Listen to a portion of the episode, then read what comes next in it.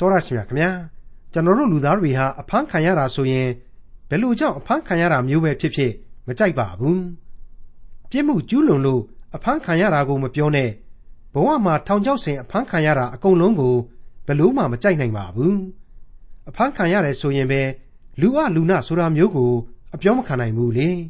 ဒါပေမဲ့ဒီကဘာပေါ်မှာအသက်ရှင်နေထိုင်ကြတဲ့လူသားများအားလုံးတို့အတွက်လူလူလားလားနဲ့အဖမ်းခံတိုက်တဲ့အရာတစ်ခုကတော့ ရှိနေပါတယ်အဖမ်းခံတိုက်တယ်ဆိုတဲ့နေရာမှာလဲမှန်ကန်တဲ့သူရဲ့လက်ထဲမှာအဖမ်းခံဖို့လိုအပ်တဲ့အကြောင်း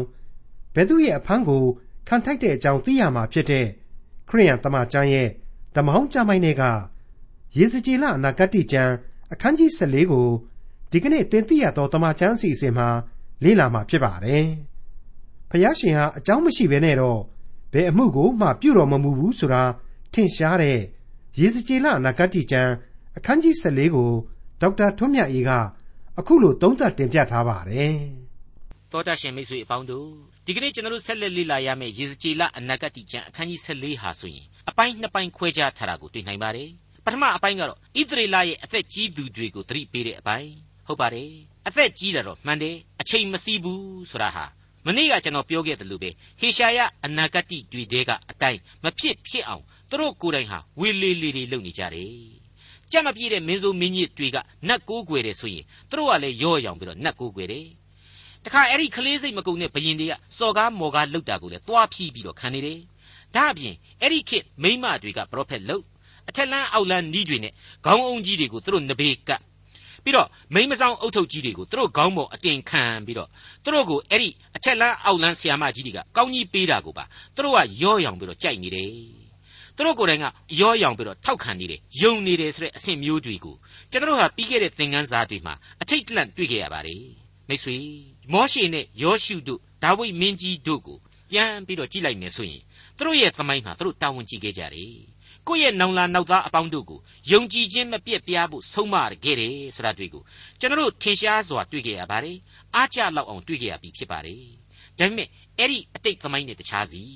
အဲ့ဒီလိုဆုံးမပဲ့ပြင်ဖို့နေနေသလားကိုကစပြီးတော့ပေါ်တော်တော်ဖောက်ပြန်နေတဲ့လူကြီးတွေဖြစ်နေပြီဆိုတာကိုယေစကြည်လကနေတဆင့်အနာဂတ်ပြုရင်းနဲ့ဘုရားသခင်ဟာပြီးခဲ့တဲ့သင်ခန်းစာမှာဆုံးမပေးခဲ့ပါတယ်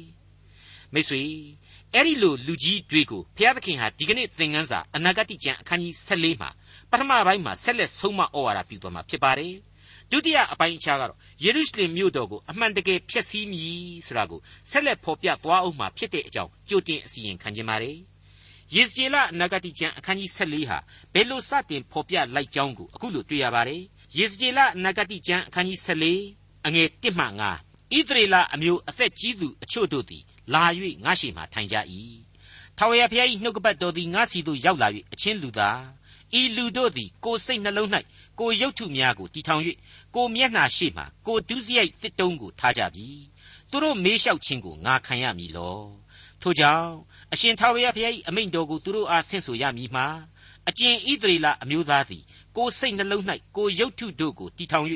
ကိုမျက်နှာရှိမှကိုဒုစရိုက်တစ်တုံးကိုထားလျက်ပရောဖက်ထံသို့ရောက်လာ၏ထိုသူ၌ရုတ်ထုများပြားသည်နှင့်အညီငါပြန်ပြောမည် ထိုသို့သောအဖြစ်ဣသရေလအမျိုးကိုသူတို့စိတ်တော်ရှိသည်နှင့်အညီငါဖမ်းမည်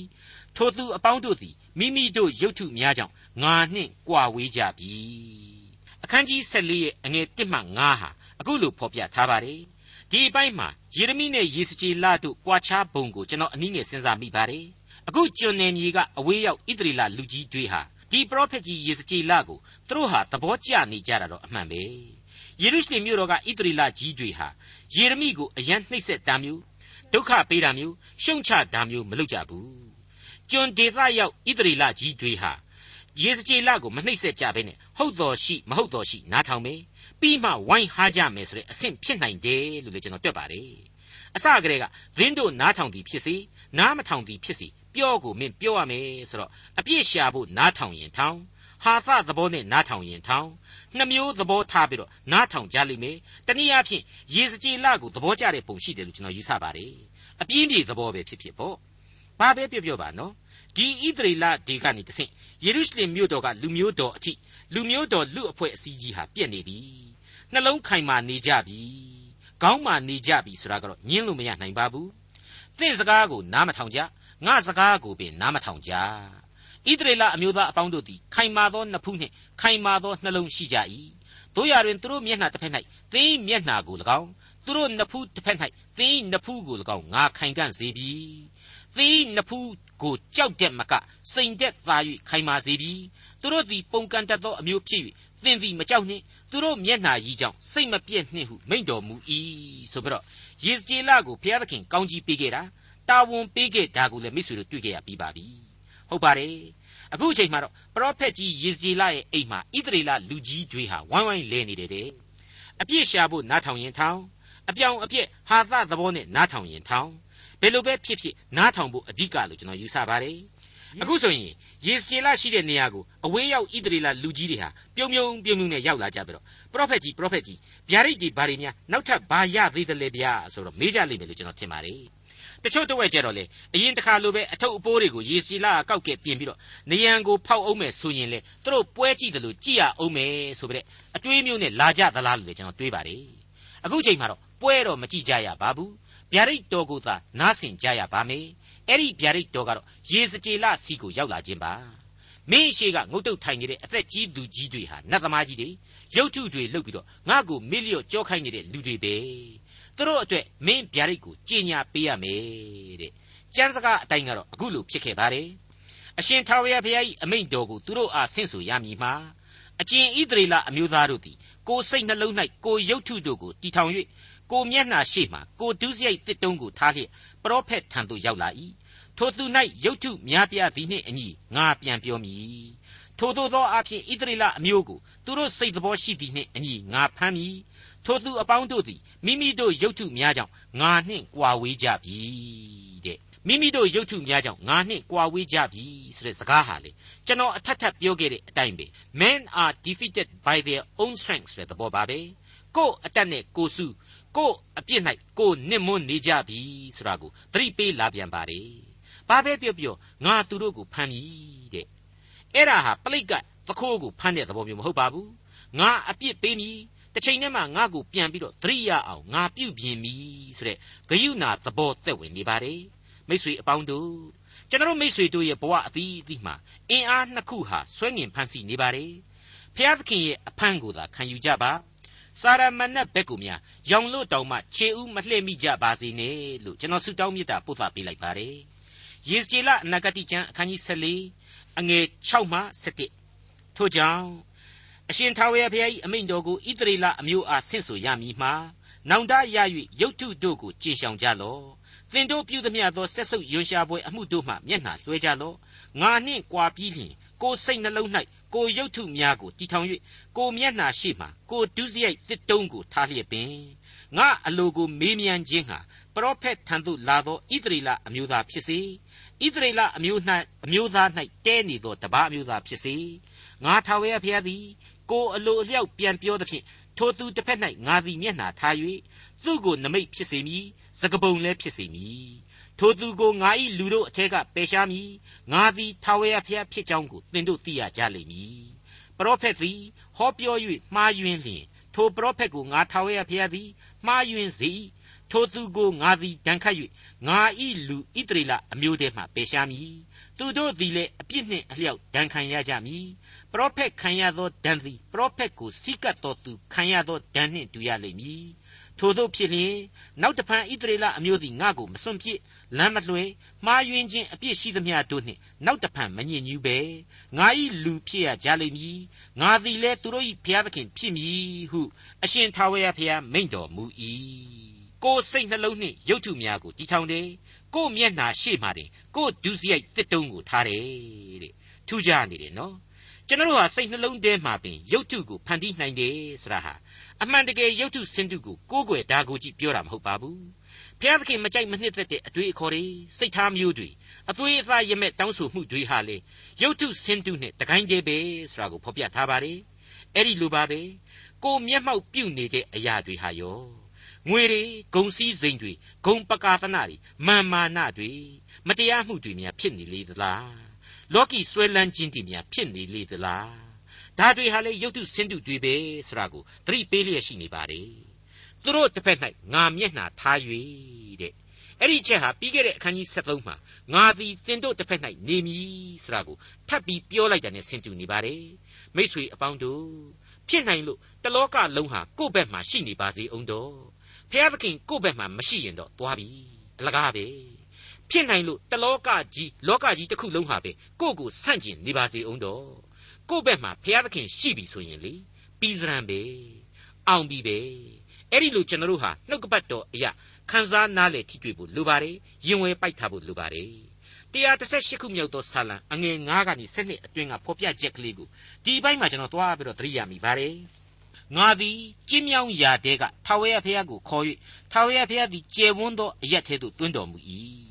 ထာဝရဘုရားသည်ငါဘက်မှရှိတော်မူသည်ဖြစ်၍ကြောက်เสียမရှိလူသည်ငါ၌အဘယ်သို့ပြုနိုင်သနည်းထာဝရဘုရားသည်ငါဘက်၌မဆတော်မူသည်ဖြစ်၍ငါကိုမုံသောသူတို့၌ငါအလိုပြည့်စုံလိမ့်မည်ထာဝရဘုရား၌ခိုလှုံခြင်းသည်လူကိုကိုးစားခြင်းတည်းသာ၍ကောင်း၏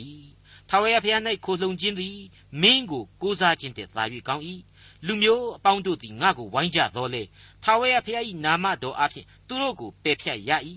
ငါ့ကိုဝိုင်းကြ၏ ဝိုင်းကြတော်လေထာဝရဘုရား၏နာမတော်အဖျင်သူတို့ကိုပယ်ဖြတ်ရ၏တဲ့အဲ့ဒါဟာဘုရားသခင်ရှိသောလူသားရဲ့အလွန်ကြီးမားသောခွန်အားရရှိခြင်းပဲဘုရားသခင်ပေးသနာတော်မူသောအောင်မြင်ခြင်းအခွင့်ပဲမိတ်ဆွေအခုချိန်မှာတော့လူမျိုးတော်ကိုဘုရားသခင်စွန့်ပစ်လိုက်ပြီသူတို့ဘက်မှာမရှိတော့ဘူးဆိုတာနဲ့ပဲဒီလူမျိုးတော်ရဲ့သမိုင်းတစ်လျှောက်ကဖြစ်စဉ်တွေဟာ ကျွန်တော်အတွက်အလွန်အရေးကြီးတဲ့အသည့်တရားတွေစင်ကြင်ရန်အကြောင်းတွေဖြစ်လာစေရပြီဆိုတာကိုဘုရားသခင်ဖော်ပြပေးလိုက်ပါတယ်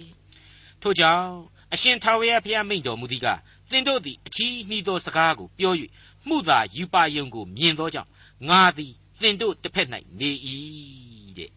ကဲကွက်တိကြနေပါသောနှုတ်ကပတ်တော်သွန်သင်ချက်ကြီးများဖြစ်နေပြီမဟုတ်ဘူးလားဒီလူမျိုးတော်ကိုဓမ္မသမိုင်းစင်မြင့်ပေါ်ကိုကောက်တင်ထားတာဟာသူတို့ကိုတက်သက်မျက်နှာလိုက်ပြီးတော့ ပုတ်သီးပုတ်သက်လုပ်မလို့မဟုတ်ဘူးဒီအကြောင်းကိုကျွန်တော်အထက်ထပ်ဖော်ပြခဲ့ပြီးဖြစ်ပါတယ်အခုဆိုရင်ပို့ပြီးတော့ရှင်းနေပြီကမ္ဘာလူသားများအားလုံးကိုချစ်တဲ့အတွက်ကြောင့်လူမျိုးတော်အဖြစ်ဘုရားသခင်ကိုကိုးကွယ်ယုံကြည်ဖို့ဘုရားသခင်ကိုတော်လှန်ပုန်ကန်ခြင်းမပြုဖို့ကယ်တင်ခြင်းကျေးဇူးတော်ကိုလက်ခံဖို့ဆိုတဲ့အချက်တွေးဟာထင်ရှားပြတ်သားစွာပေါ်လွင်လျက်ရှိနေပြီဖြစ်ပါတယ်အခုဆိုရင်ယေဇကျေလမှတဆင့်ပြင်းပြင်းထန်ထန်သတိပေးထားပါတယ် သူ့ရဲ့စီရင်တော်မူခြင်းကိုအမှန်ပါမှနားမလည်ဘဲနဲ့အနာဂတ်တွေဗျာဒိတ်တော်တွေကိုအတုလုပ်ပြီးပြောဆိုနေတဲ့ပရောဖက်အတုအယောင်တွေဝင်ပြီးတော့ယမ်းနေတဲ့မြေခွေးတွေအုံလုံးတို့ဟာလူမျိုးတော်ရဲ့စီရင်တဲ့ကပယ်ပြစ်ရမယ်အပြစ်ဒဏ်ကြခံစေရမယ်တဲ့ဒါအပြင်အဲ့ဒီအတုအယောင်တွေကိုအစစ်အမှန်လို့သဘောထားပြီးတော့စီကတ်ကိုးကွယ်တဲ့လူတွေဟာလည်းအပြစ်ဒဏ်ကိုအချိုးကျပဲခံရစေမယ်ဆိုတာကိုဆက်လက်ဖော်ပြပေးပါတယ်ပြီးတဲ့နောက်မှာမှအဲ့ဒီလိုသာငါစီရင်မယ်ဆိုရင် ဣသရေလလူမျိုးသည်ငါ့ကိုမစွန့်ပစ်လမ်းမလွဲမှားယွင်းခြင်းအပြစ်ရှိသမျှတို့နှင့်နောက်တဖန်မညစ်ညူးပဲငါဤလူဖြစ်ရကြလိမ့်မည်ငါသည်လည်းသူတို့ဤဘုရားသခင်ဖြစ်ရမည်ဆိုတာကိုဘုရားသခင်ထာဝရဘုရားမိန့်တော်မူ၏ဆိုပြီးတော့ယေစကျေလမှသင်ဖော်ပြပေးလိုက်ပါတယ်ပြီးခဲ့တဲ့အခန်းကြီး73ရဲ့ဏိဂုံးပိုင်းမှာကလေးကငါဤလူတို့ကိုငါကယ်တင်မည်ဆိုတာကိုဖော်ပြပေးခဲ့သလို ဒီကနေ့သင်ခန်းစာရဲ့စောစောပိုင်းမှာလေသူတို့ကိုငါဖမ်းမည်ဆိုပြီးတော့မေတ္တာသဘောကိုဖော်ပြခဲ့သေးတာကိုကျွန်တော်တို့တွေ့ကြရပြီဖြစ်ပါတယ်အဖဖျားသခင်ရဲ့စီရင်တော်မူခြင်းအပေါင်းတို့ဟာအလွန်နည်းနည်းကျေပြန့်တယ်ကျေးဇူးနဲ့ဂရုနာတော်ဆိုတာဟာလေအပြစ်တရားစီရင်ခြင်းနဲ့မကွဲမကွာအတူတွေ့ရမည်ဖြစ်တယ်ဆိုတာကိုထင်ရှားပြတ်သားစွာနားလည်လာရစေပါတယ်ယေစကျေလအနာဂတိကျမ်းအခန်းကြီး14အငယ်7မှ14တဖန်ထာဝရဘုရား၏နှုတ်ကပတ်တော်သည်ငါစီသို့ရောက်လာ၍ အချင်းလူသားပြည်သားတို့သည်အထက်ထက်လွန်ကျူး၍ငါကိုပြစ်မှားသောကြောင့်ငါသည်လက်ကိုဆန့်၍မုံအထောက်အပင့်ကိုချိုးသဖြင့်အစာအာဟာရကိုခေါင်းပါစေ၍ထိုပြည်မှလူနှင့်တိရစ္ဆာန်တို့ကိုပယ်ဖြတ်လျင်နောအေဒံယေလယောဘ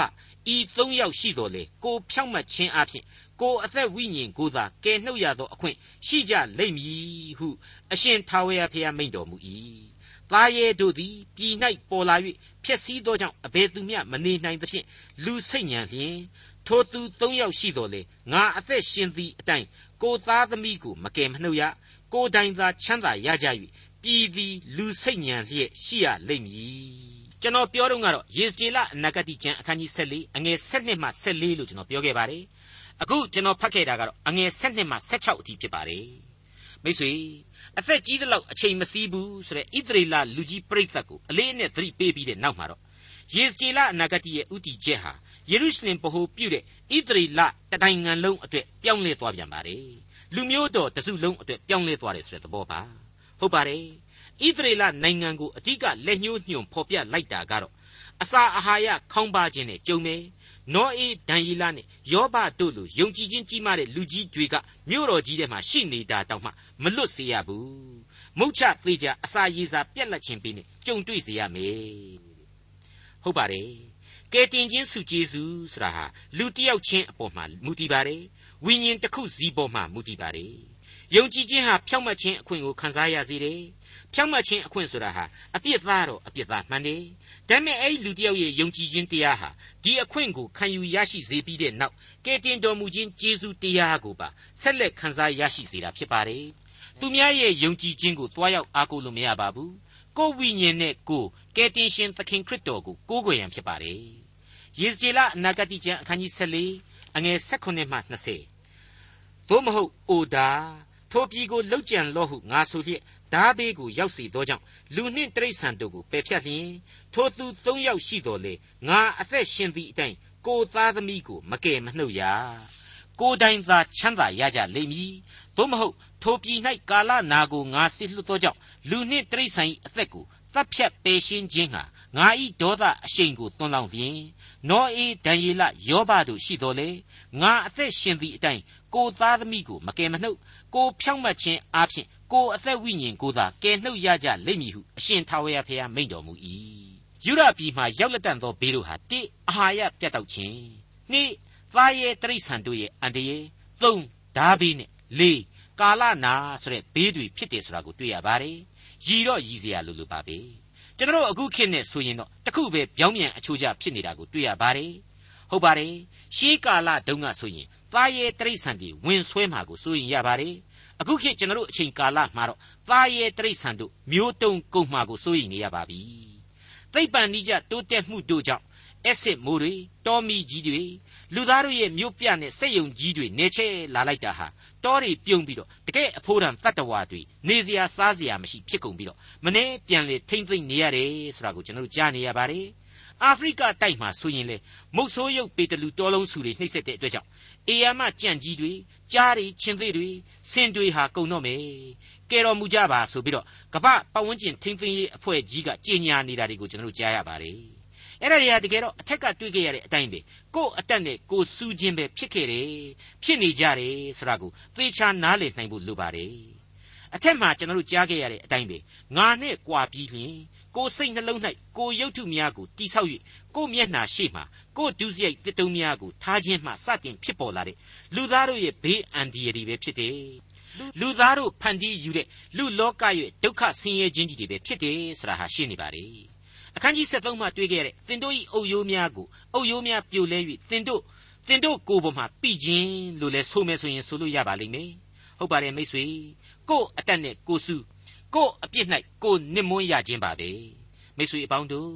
အဲ့ဒီလိုအဖဖျားသခင်ကိုမေ့လျော့ကြောခိုင်းလိုက်တိုင်းမှာဒီလူလောကကြီးအတွက်ဒီလူလောကကြီးအတွက်မကောင်းသောအနိဋ္ဌာယုံများဟာတစ်ခုပြီးတစ်ခုအစွန်းထွက်လာရပါတယ်အကျိုးတစ်ခုအတွက်အပြစ်တစ်ခုဟာ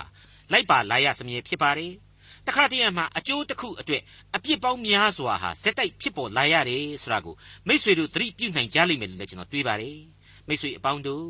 ဒံယေလနဲ့ယေဇကြည်လယေရမိတို့ဟာခစ်ပြိုင်ပရောဖက်ကြီးတွေဖြစ်ပါတယ်သူတို့ဟာတယောက်နဲ့တယောက်ကြုံဆုံရတယ်လို့မပြောနိုင်ပေမဲ့တယောက်သတင်းကိုတယောက်လှမ်းပြီးတော့ကြားသိရတဲ့လက္ခဏာရှိပါတယ်ယေဇကြည်လဟာယေရမိရဲ့အနာဂတ်များမှန်ကန်ကြောင်းကိုသူ့အနာဂတ်များအပြင်ထောက်ခံနေပြီးတော့ဒံယေလရဲ့ယုံကြည်ခြင်းကိုနောအေးယောဘတို့ရဲ့ယုံကြည်ခြင်းအတိုင်းချီးမွမ်းထောမနာပြုပေးထားတာကိုအခုချိန်မှာကျွန်တော်တို့တွေ့ရပါတယ် ဘုရားသခင်ရဲ့ဝိညာဉ်တော်အပြင်ဆက်ဆက်မှုရှိလာခြင်းပဲလို့လည်းကျွန်တော်တွေးပါတယ်နောအေးအကြောင်းကိုဒီနေရာမှာထည့်သွင်းလိုက်ပြန်တော့လေနောက်ထပ်ပြုံးမိစရာတွေရှိနေပါတယ်နောအေးသင်္ဘောကြီးတိဆောက်နေတဲ့အချိန်ကုန်းခေါင်ကောင်နေပူကျဲကျဲကြီးမှာလူတွေကနောအေးကိုဝိုင်းပြီးတော့ဟားတိုက်ခဲ့ကြလိမ့်မယ်အဲ့ဒီလူမျိုးတွေအတိုင်းပဲအခုဣသရေလဟာလေနောအေးသာရှိရင်ဟားတိုက်နေကြမှာအသေးအချာပဲဆိုတာကိုကျွန်တော်တို့တွေးဆကျင်စရာကောင်းလာပါတယ်အခုကျွန်တော်တို့ခင်မှာလေဒီအတိုင်းပဲပေါ့ နောအေးရဲ့သင်္ဘောကြီးကိုပြန်ပြီးတော့တူးလို့ခေါ်လို့ရတယ်တူရကီတောင်တန်းတနေရာကနေရရှိတယ်။ဘာညာဆိုပြီးတော့ကောလာဟာလာသတင်းတွေဟာဖြစ်ပေါ်နေပြီးတော့လူတွေကလည်းအုံကြက်ကြက်စိတ်ဝင်စားလျက်ရှိနေကြတာကိုတွေ့ရပါတယ်။အဲ့ဒီလိုသာအုံကြက်ဖြစ်နေကြတာ။အခုကျွန်တော်တို့ခေတ်မှာသာနောအေးတယောက်ရိုးမတောင်တန်းပေါ်မှာနှွေးခေါင်ခေါင်လာပြီးတော့သင်္ဘောဆောက်မယ်ဆိုရင်လေဒီနောအေးဆိုတဲ့ငနေကြီးကလူဘောကြီးပါကွာဆိုပြီးတော့ဝိုင်းပြီးတော့ဟားတိုက်ကြအောင်မှအသေးချာဘဲလို့လေကျွန်တော်ဆက်ပြီးတော့တွေးမိပါတယ် နောအေးမကလို့ယောဘပဲဖြစ်ဖြစ်ဒံယေလပဲဖြစ်ဖြစ်သူတို့တူးစီရဲ့ယုံကြည်ခြင်းဟာသူတို့ကိုကယ်တင်ခြင်းကျေးဇူးတရားကိုခံစားစေခဲ့တယ်ဖြောင့်မတ်ခြင်းအခွင့်နဲ့ကယ်တင်ခြင်းကျေးဇူးကိုခံစေခဲ့တယ်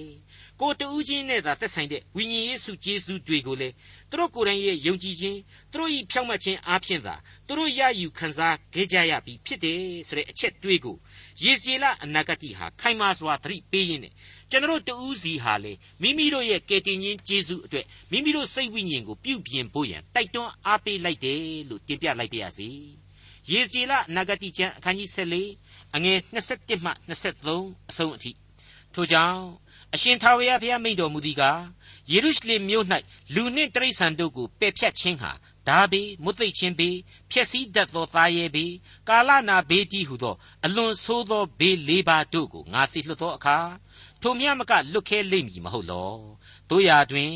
လွတ်၍ထွက်မြောက်ရသောအကြံအကျွင်းသားသမီးအချို့ရှိကြလိမ့်မည်သူတို့သည်သင်တို့ရှိရာသို့ထွက်လာ၍ကြင်ကြံပြုမှုသောအမှုအရာတို့ကိုသင်တို့သိကြလိမ့်မည် ယေရုရှလင်မြို့၌ငါရောက်စေသမျှသောအမှုများကြောင့်စိတ်ပူပန်ခြင်းမရှိသက်သာခြင်းရှိကြလိမ့်မည်သူတို့ကြင်ကြံပြုမှုသောအမှုအရာတို့ကိုသင်တို့သည်မြင်သောအခါသက်သာရကြလိမ့်မည်ယေရုရှလင်မြို့ကိုငါပြုလေသမျှတို့၌အကြောင်းမရှိဘဲမပြုသည်ကိုသိကြလိမ့်မည်ဟုအရှင်ထာဝရဘုရားမိန့်တော်မူ၏တို့ရတွင်လွတ်မြောက်သောအကြံအကျွင်းသားသမီးအချို့ရှိကြလိမ့်မည်တဲ့ဟုတ်တယ်မျိုးငုတ်အကျွင်းအကြံအငုတ်အတဲ့ အမျိုးအနွယ်စသည်စသဖြင့်ဖော်ပြခဲ့တဲ့သီးသန့်လူမျိုးတော်အုပ်စုကိုအမြဲတမ်းကျွန်တော်တို့တွေ့ရမည်ဖြစ်ပါတယ်ရှင်းရှင်းဖြစ်စည်းမည်ဆိုတဲ့ဒေါသနဲ့ချင်းချောက်ခြင်းအသံတို့ဟာအဲ့ဒီအသံတို့ရဲ့နောက်မှာအစဉ်အမြဲတွဲခေါ်နေတဲ့သီးသန့်ဗြိညင်ကြီးတစ်ခုကိုဖော်ပြနေကြလို့ကျွန်တော်ဆိုချင်ပါတယ်သူတို့သည်သင်တို့ရှိရာသို့ထွက်လာ၍သူတို့ကြောင့်ငါပြုသောအမှုများအတွက်စိတ်သက်သာရာရကြလိမ့်မည်တဲ့ စကားနောက်တရားပါဆိုသလိုအလွန်အလွန်အတိတ်ပဲလေးနဲ့ကြဲဝန်းလှတဲ့ကြမ်းကြက်လို့ကျွန်တော်ခန်းစားမိပါတယ်စစ်သမိုင်းနဲ့အပြစ်သမိုင်းသာဖြစ်တဲ့လူလောကကြီးမှာသမိုင်းနှစ်ပေါင်း6000လောက်အတွင်းထင်ရှားစွာဖြစ်ပွားခဲ့တဲ့စစ်ကြီးပေါင်း1000ခွဲလောက်ရှိခဲ့တယ်အမှန်တကယ်သာယာဝါပြောခဲ့တဲ့ငြိမ်းချမ်းရာအချိန်ကာလဟာနှစ်300ခန့်သာရှိတယ်ဆိုတာကိုကျွန်တော်စီးရင်စရာများနဲ့တင်ပြခဲ့ပြီးဖြစ်ပါတယ်အဲ့ဒီလောက်အထိအပြစ်သင်းနေတဲ့ကမ္ဘာလောကဘောမှာဘုရားသခင်ရှိသည်ဆိုတဲ့သစ္စာတရားဟာ အများစုသောလူနှလုံးသားများကိုအစဉ်တစိုက်လွှမ်းခြုံနေတယ်ဆိုရင်ဘယ်သူညင်းနိုင်ပါလဲအဲ့ဒီလိုဘုရားသခင်ရှိသည်ဆိုတာကိုသိတဲ့အတွက်လေလူသားတိုင်းတို့ဟာမိမိတို့ရဲ့မသိစိတ်အားဖြင့်တော့အ ਨੇ ဆုံးယုံကြည်ချက်တစ်ခုခုနဲ့ပဲဖြစ်ဖြစ်တရားနီလန်တစ်ခုနဲ့ပဲဖြစ်ဖြစ်ဘုရားသခင်ကိုတန်တရှာဖွေကြစမြဲဖြစ်တယ်ဆိုတာကိုတွေ့ရပါတယ်မိษွေတော်တတ်ရှင်အပေါင်းတို့ ဇာတိပဂရိဖြစ်တဲ့လူရဲ့အသွေးအသားဟာဝိညာဉ်ပဂရိဖြစ်တဲ့အတွင်းလူကိုအမြဲတမ်းအပြစ်တရားဘက်ကိုဥဆောင်ပေးနေပါတယ်ဥဆောင်မှုပြုနေပါတယ်ဆွဲဆောင်နေပါတယ်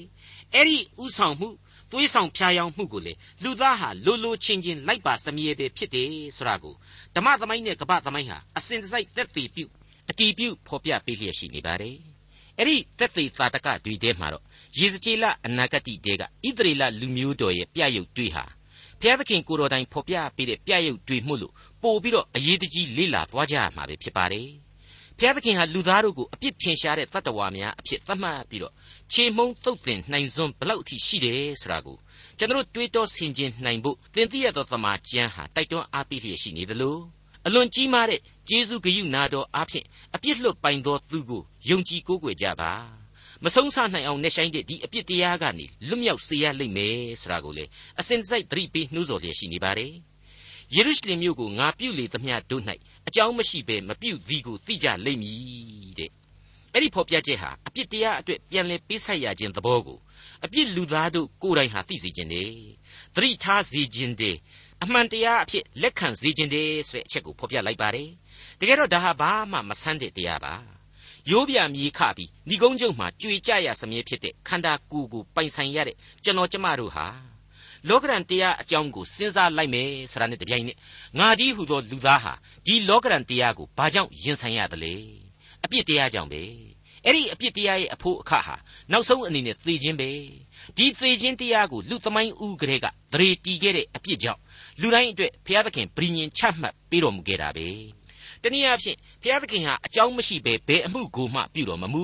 ဒီပရိညင်ကိုချမှတ်တော်မမူဘူးဒါပေမဲ့သူချမှတ်ထားတဲ့ဒီပရိညင်အတိုင်းအဆုံးတနေ့မှာသေရမယ့်လူသားအားလုံးတို့အတွက်သူဟာဝိညာဉ်ရေးအရာလွတ်ငင်းချမ်းသာခွင့်ကိုပြုတော်မူတယ်အဲ့ဒါကိုကယ်တင်ခြင်းတရားလို့ခေါ်ပြီးတော့ကယ်တင်ရှင်သခင်ရဲ့ကားရိုင်တော်ပေါ်မှာအသေးခံတော်မူခြင်းအပြင်ကျေးဇူးပြုထားတော်မူခြင်းဖြစ်တယ် လူသားတိုင်းဟာခရစ်တော်၏အသွေးတော်အဖြစ်အဲ့ဒီကယ်တင်ရှင်ကျေးဇူးတော်ကိုခံယူနိုင်တယ်ဆိုတာတွေ့ကိုကျွန်တော်အနေနဲ့ဆက်လက်နားလည်ကြဖို့အထူးလိုအပ်လာပါတယ်အဲ့ဒီအသစ်သောပရိညင်ဆိုတာကိုရောဘုရားသခင်ဟာအကြောင်းမရှိဘဲနဲ့များချပေးထားတော်မူခြင်းဖြစ်ပါသလားအကြောင်းမရှိဘဲဘယ်အမှုကိုမှပြုတော်မမူတဲ့သခင်ဟာအကြောင်းမရှိလို့သာအဲ့ဒီပရိညင်သစ်ကိုပြုပြင်ချထားပေးခဲ့ခြင်းပါအဲ့ဒီအကြောင်းကတော့သူဖန်ဆင်းတဲ့လူတ attva သူချစ်ခြင်းဆိုတဲ့အကြောင်းပဲဖြစ်တဲ့အကြောင်းလေးစားစွာတင်ပြလိုက်ပါရစေ ဒေါက်တာထွန်းမြတ်ရေးစီစဉ်တင်ဆက်တဲ့တင်ပြတော်တမချန်းအစီအစဉ်ဖြစ်ပါတယ်နောက်တစ်ချိန်အစီအစဉ်မှာခရိယန်တမချန်းရဲ့ဓမ္မဟောင်းကျမ်းပိုင်းတွေကရေစကြည်လအနာဂတ်ကျမ်းအခန်းကြီး15နဲ့အခန်းကြီး16တို့ကိုလေ့လာမှဖြစ်တဲ့အတွက်စောင့်မျှော်နားဆင်နိုင်ပါတယ်။